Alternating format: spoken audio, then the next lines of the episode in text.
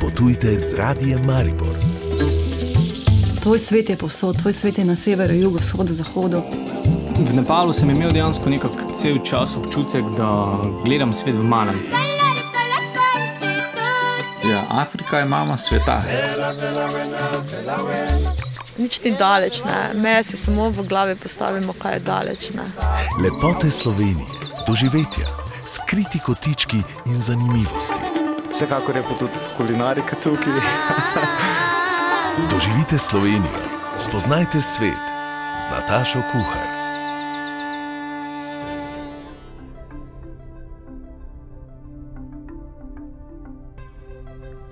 Lepo pozdravljeni in vabljeni k poslušanju oddaje s turističnimi vsebinami.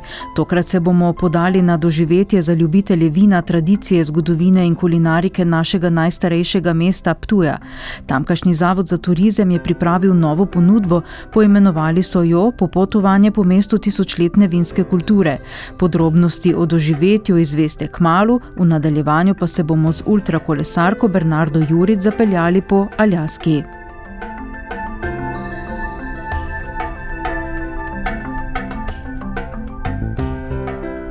Zavod za turizem Ptuj je nedavno javnosti predstavil novo turistično ponudbo, ki vključuje eno gastronomsko doživetje in sicer lahko obiskovalci mesta spoznajo bogato, več tisočletno tradicijo vinske kulturne dediščine Ptuja. Popelje nas od začetka vinske kulture Keltov in hedonističnih Rimljanov prek kletarske tradicije menihov srednjeveškega mesta do meščanskih ptujskih vinskih trgovcev v obdobju secesije in današnjega Ptuja. Direktorica Zavoda za turizem Ptuj, Tanja Srečkovič Bolšec. Torej, novi produkt smo zasnovali zelo vinsko obarvan in z razlogom, da nekako poskušamo zapolniti to nizko sezono in vabiti goste na Ptuj preko tudi turistične ponudbe, ki jo lahko zagotavljamo v teh eh, hladnejših mesecih in niso toliko vezane na toplo vreme in na sončne dneve. In tako, seveda, ker je Ptuj vinorodno mesto, povezano že dolga tisočletja z samim vinom, smo se odločili, da pripravimo zgodbo, ki jo bomo neposredno s tem povezali in seveda temu primerno primerno dodali tista doživetja, ki so na Ptuju najbolj specifična, posebna in jih seveda nekako pretvorili v večjo eh, tvorbo, tako imenovano.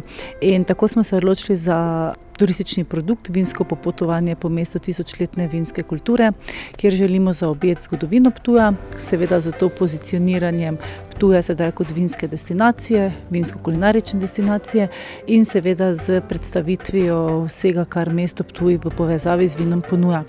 Vsak turist, ki se odloči, Za to zgodbo, za to doživetje bo tako okušal degustacije, torej vino v temi, spoznal bo našo širšo vinorodno pokrajino z predstavitvijo tudi zgodovine v Osterbergovi vinski kleti. Z viničarjem se bo spoznal torej z upravili na trgatvi. Eh, nam je seveda, ki tukaj bivamo, to zelo domače, marsikomu pa ni in niti ne vedo, kako to izgleda. Torej, tukaj smo želeli prikazati tiste pravilne, starodavne običaje vinarstva in seveda obiranja grozdja. In seveda po vsaki trgatvi pride na vrsto trgačeva malica, tudi to poskušamo zaobjeti tukaj preko kulinaričnega dela. Seveda sama Zgodba pa se nekako logično zaključuje v Ptujski kleti. Mi smo zelo ponosni na našo najstarejšo vinsko klet v Sloveniji in seveda tudi tukaj bodo kolegi iz Ptujske kleti ponudili tisto najboljše, kar imajo. Koga nagovarjate? Tu seveda nagovarjamo najbolj ciljno skupino tako imenovanih fudijev. To, to je populacija tukaj med 30 in 60 letom, ki potuje po, po svetu in seveda okuša vino, kulinariko, najboljše, kar posamezna destinacija ponuja. Seveda sami si želimo našo kulinarično ponudbo nadgrajevati. Zelo smo ponosni, da imamo že tudi pri nas eh, dve restauraciji z dvema galvami, lokapama. Imamo zelo bogato vinsko tradicijo, odlične vinarje, ki so tukaj na Ptuju, ki so v Halozah, v slovenskih goricah. E, imamo več kot sto let staro prešo, tako da imamo eno to zelo lepo zgodbo, ki jo lahko pretvorimo v odlično zgodbo in doživetje za vsakega, ki, ki ima vsaj malo rad vino in kulinariko. Se pravi, pridejo turisti na Ptuj in povprašujejo po takšnih zgodbah, po takšnih vodenjih, povezanih z vinom in kulinariko. Nedvomno, sami recimo opažamo, da kadarkoli pripravimo turistično vodenje povezano z vinom, to se ponavadi odrazi tam uh, tik pred Martinovim ali sedaj, ko postavljamo zgodbo mestnega vrha na turistični zemljevid, so ljudje zelo zainteresirani in so zelo željni doživeti ta neka različna doživetja, ki so povezana, neka presenečenja, ki temu primernosti sledijo. Na koncu koncev pa o, o številkah marsikaj lahko povejo tudi v Ptujski kleti, kjer letno gostijo več tisoč eh, obiskovalcev Ptujske kleti in seveda se moramo tukaj izkoristiti ta trend in te kazalnike, ki so nam uprit in zgodbo čim bolj razvijati. In Ptuj ima zgodbe, ne, ki so morda nekoliko pozabljene in jih je treba nekako znova obelodaniti. Tu ima veliko zgodb, tekom naše res tisočletne zgodovine se je oblikovalo kar nekaj takšnih zanimivih zgodb. Veliko ljudi je obiskalo Ptuj, Ptuj marsikoga fascinira in ga tudi tako ali drugače zapelje v neko svoje delo.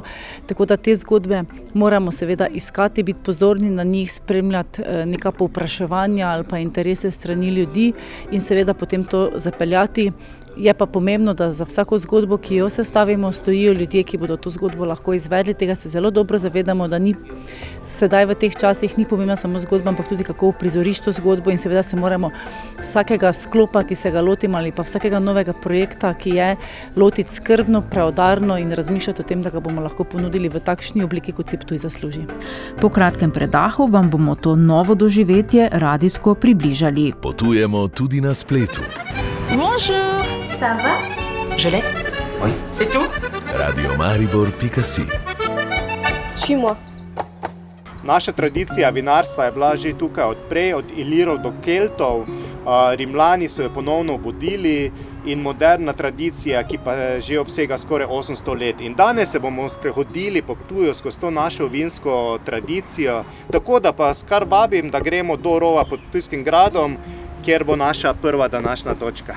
Tako je novinarje na popotovanje po mestu tisočletne vinske kulture povabil vodnik Marjan Ostroško. Nahajamo se v rovu pod Ptujskim gradom.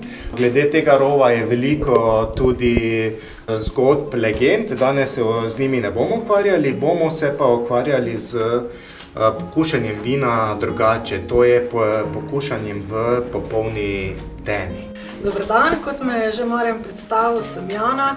In skupaj bomo zdaj se podali v to drugačno uh, okušanje vina, sicer vina uh, v popolni temi.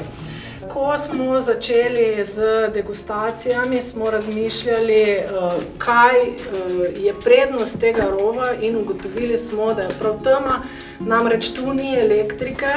Tako da boste okusili vino, tako kot vino zori. Vino zori v sodi, v temi, v kleteh in tudi te rovi so bolj podobni kletem. Tako da, kar izvolite lučke, uh, vzeti pa za mano. In smo šli po skrivnostnih rovih pod Grajskim gričem. Jana Gerl iz zavoda Tura je pojasnila, zakaj si je nadela posebna očala. Seveda, tisti, ki toči vino, mora videti, tako da imamo te, ta očala za nočni vid. Degustacija, kot so rekla, je v popolni temi, ugasnemo luči, preden začnemo z degustacijo, tako da se igramo s temo in uh, ugibamo že od samega začetka najprej barvo vina, po vonju poskusimo ugotoviti, ali je sladko, pol sladko, uh, suho in potem okušamo. Pri okušanju, seveda, ko ni vid uh, vključen, uh, se nam izostrijo tako vonj kot okus. In uh, skozi uh, vodenje potem pridemo tudi do sorte vina, vedno pa predstavljamo lokalna vina iz tega področja ali so bila nagrajena, skratka vrhunska vina.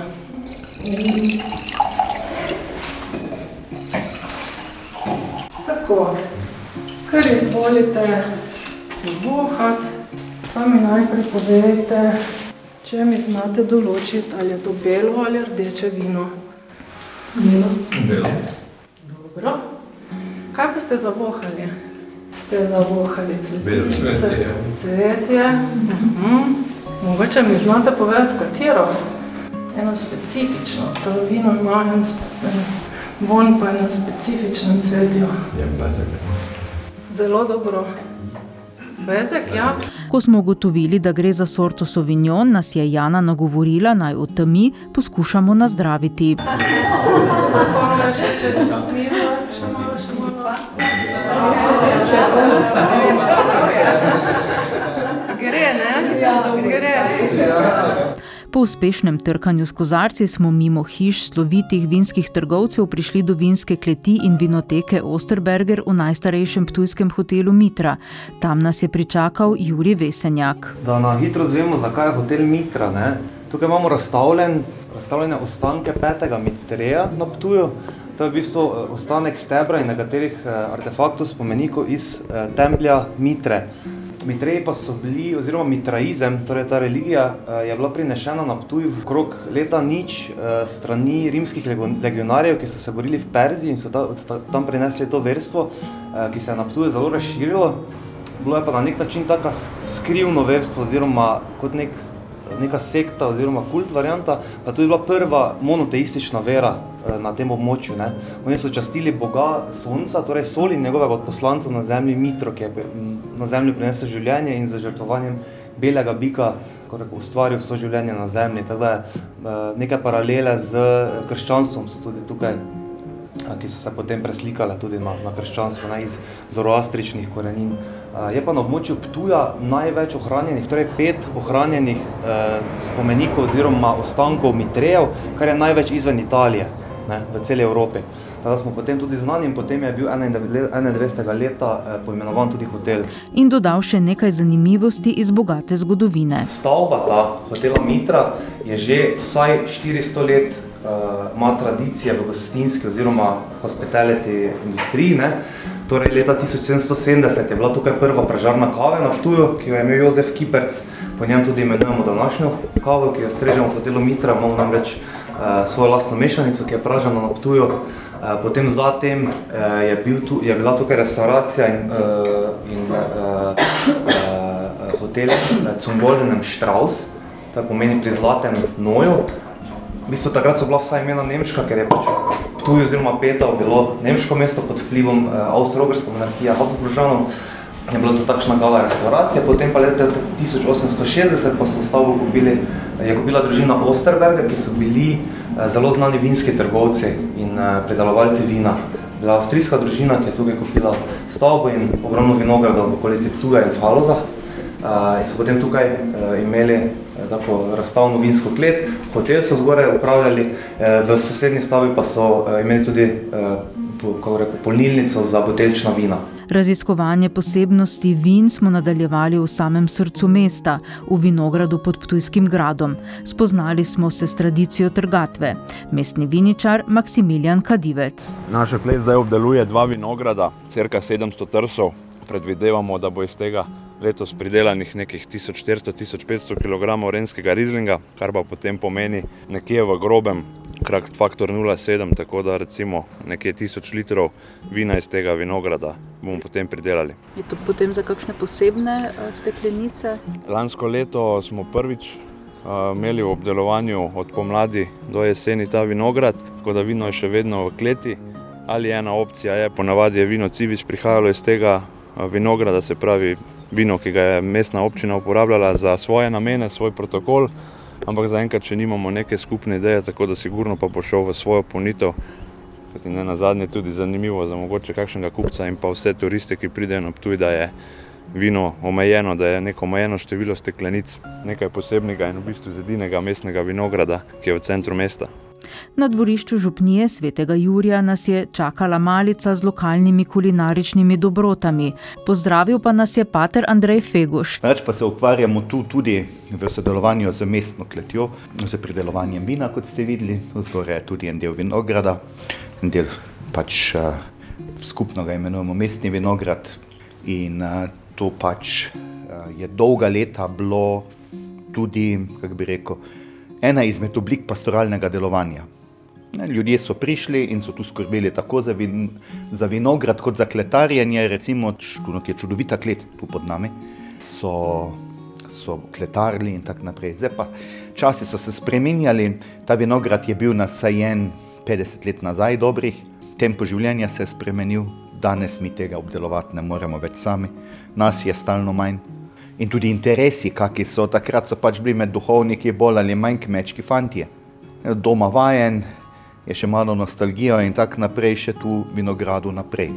večina jih je bilo z teh krajev, tako da se lahko mislimo.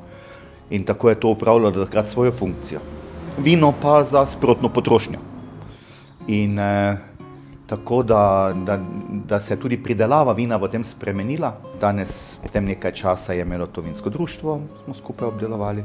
Zdaj pa je mestna klet tista, ki pač obdeluje tu, tudi potrga in potem na koncu seveda tudi kletari. Sprehod skozi mestne ulice nas je peljal še do minoritskega samostana in do Ptujske kleti. To je najstarejše slovenske kleti. Tam smo si ogledali vinsko zakladnico, arhiv z najstarejšim slovenskim vinom. Ksenija Arbajter pa je našo pot popestrila še s predstavitvijo zgodovine te kleti. Ptuj je mesto skoraj 2000-letno tradicijo in zgodovino in tudi sama vinska kultura je nekje istih let. Že leta 1969 so tu živeli rimski vojščaki, legije Gemina 13. in po nekaterih pričevanjih jih je bilo kar 60 tisoč. To je skoraj štirikrat več, kot je danes prebivalcev na Ptuju. In glede na vse številne arheološke najdbe, lahko z gotovostjo rečemo, da so bili vinoljubci, vinopivci, saj so bile najdene številne amfore, kozarci in drugo vinsko posodje. In rimski vojščak kot začetnik te vinske kulture pri nas, upodobljen na prvem sodu, na tej njihovi tipični konski vpregi kvadrigi in pa slavni rek in vino veritas oziroma v vinu je resnica. Veliko resnic o vinu in zgodovini smo spoznali v nekaj urnem popotovanju skozi mesto bogate vinske tradicije, a precej je ostalo še nepovedanega in prepuščenega obisku našega najstarejšega mesta ob Dravi. V nadaljevanju se bomo radijsko odpravili po svetu, s Ptujčanko Bernardo Jurič bomo kolesarili po Aljaski. Lepote Slovenije, okusna doživetja, zanimivi ljudje. Potujte drugače, potujte z radijem Maribor.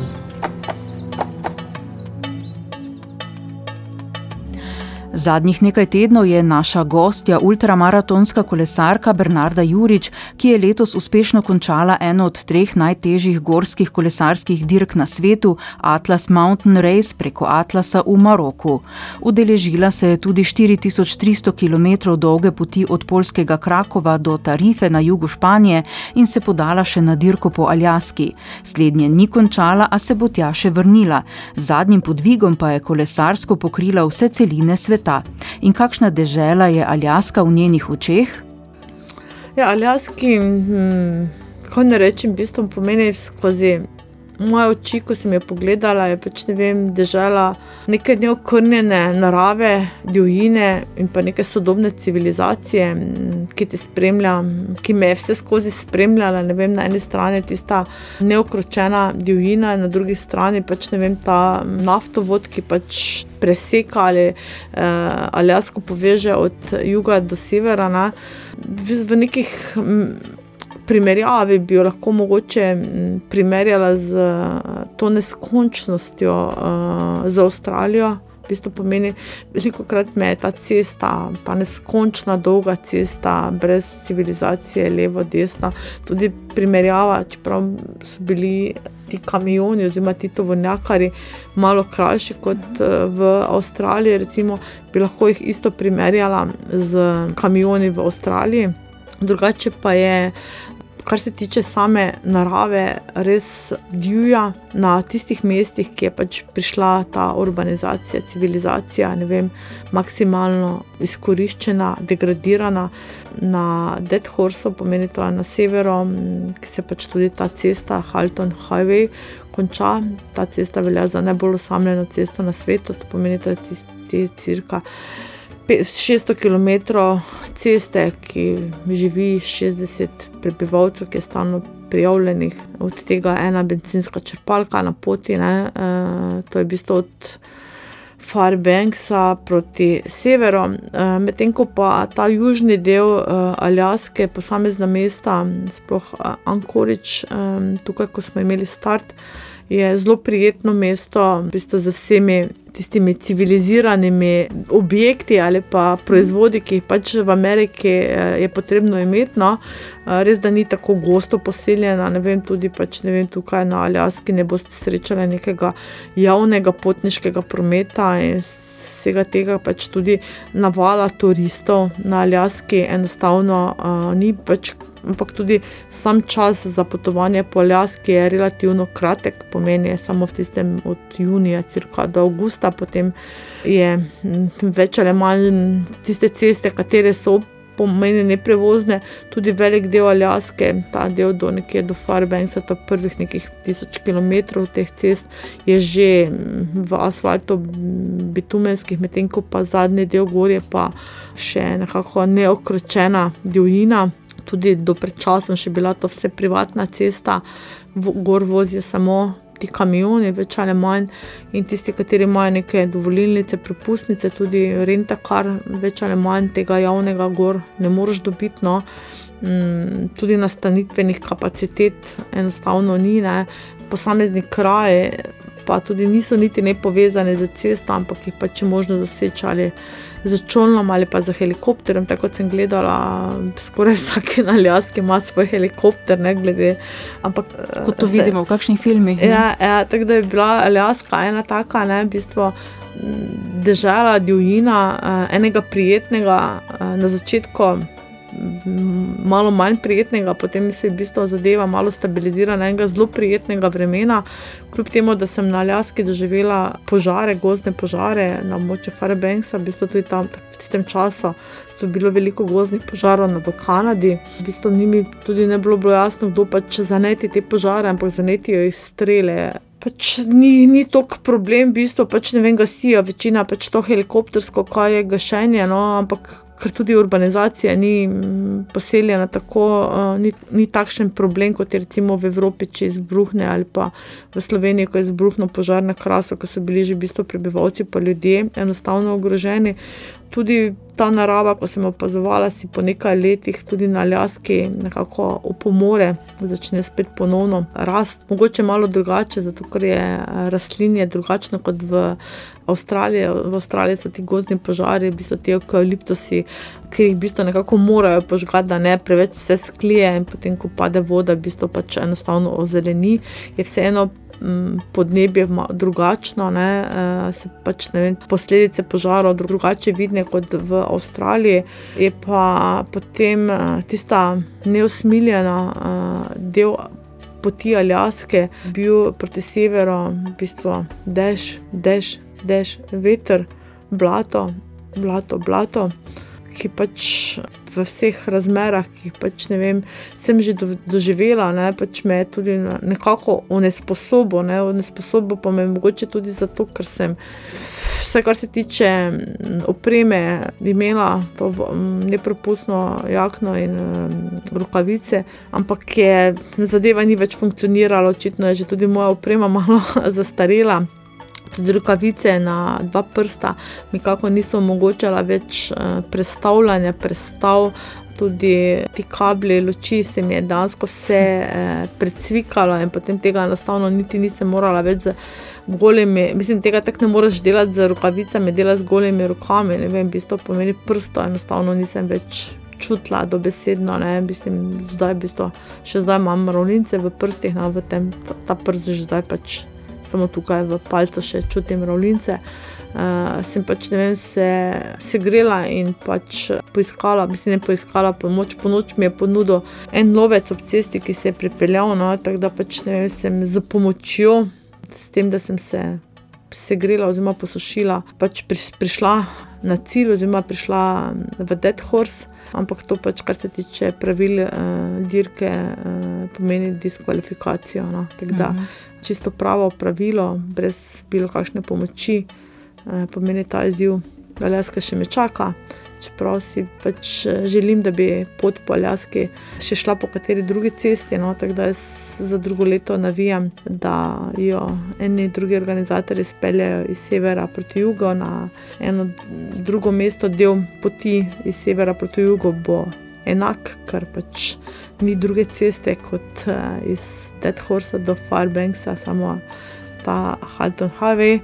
Tako da si v bistvu želim še vrniti na Aljasko in prav gotovo se bom vrnila na Aljasko tudi z temi strogimi pravili, brez bilo kakšne pomoči druge osebe. Na pomeni, da ne bom poiskala, oziroma ne bom vzela ponujene pomoči, ki mi jo pač ponudila ta uh, ob cesti. Ampak, če si predstavljate, ne vem, tri dni, dež ne dež, ne vem, če si predstavljate postavljanje šotora v dežju, ko rok enostavno ne čutiš, ko loči tudi ti več enostavno ne svetijo, in tudi prekršek je tisoč dolarjev, če, nimaš, če nisi osvetljen, v bistvu pa se ne gre toliko za prekršek, dejansko, ker ti Za varnost, ne? za varnost, ker ti kamioni že tako niso navajeni, da tam kdo ne. eh, In v tem slabem vremenu in tem meglici dejansko si res popolnoma neviden.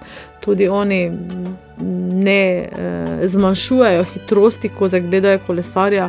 V bistvu dejansko oni morajo res uporabiti vse, eh, vso moč, ki jo pač ti njihovi tovornjaki zmorejo, da sploh pripeljejo na klanec in da se potem spuščajo. Ne. Pomeni ta varnost uh, zelo. In pač mogoče, kar še me je tudi na Aljaski malo razorožilo, oziroma zakaj sem pač ne vem, si sploh mogoče vzela, oziroma vzela to ponujeno pomoč, je bil v bistvu ta nekakšen strah ali grožnja za temi medvedji. No? Čeprav moram reči, da na vseh teh avanturah, katere se odpravljam, nimam straha, oziroma ni prostora enostavno za strah. No? In tudi sem, ko sem išla na Aljasko, sem si želela srečati uh, medveda. Ne? In jaz sem jih srečala, sedem sem jih srečala. Ne? Ampak uh, mogoče je bil, mislim, tudi na vseh avanturah za kolesom, ki sem bila, se enostavno najbolj varno počutim, ko sem na kolesu in ko podganjam pedale. Mhm. Takrat sem varna, takrat imam vse pod nadzorom, takrat opazujem in naravo, ljudi, živali, promet, takrat se počutim res varna. Medtem ko pa mm, odložim, oziroma mm, prekinem za kolesarjenjem, pa iščem neki prostor za spanje in bilo kaj, takrat pa je ta varnost bi, bistveno zmanjšana. Prihodnič nas čaka še sklepno popotovanje z ultrakolesarko Bernardo Jurič. Vabljeni k poslušanju, za danes je to vse. Z vami sva bila Nataša Kuhar in Boštjan Feguš. Potujte z radijem Maribor.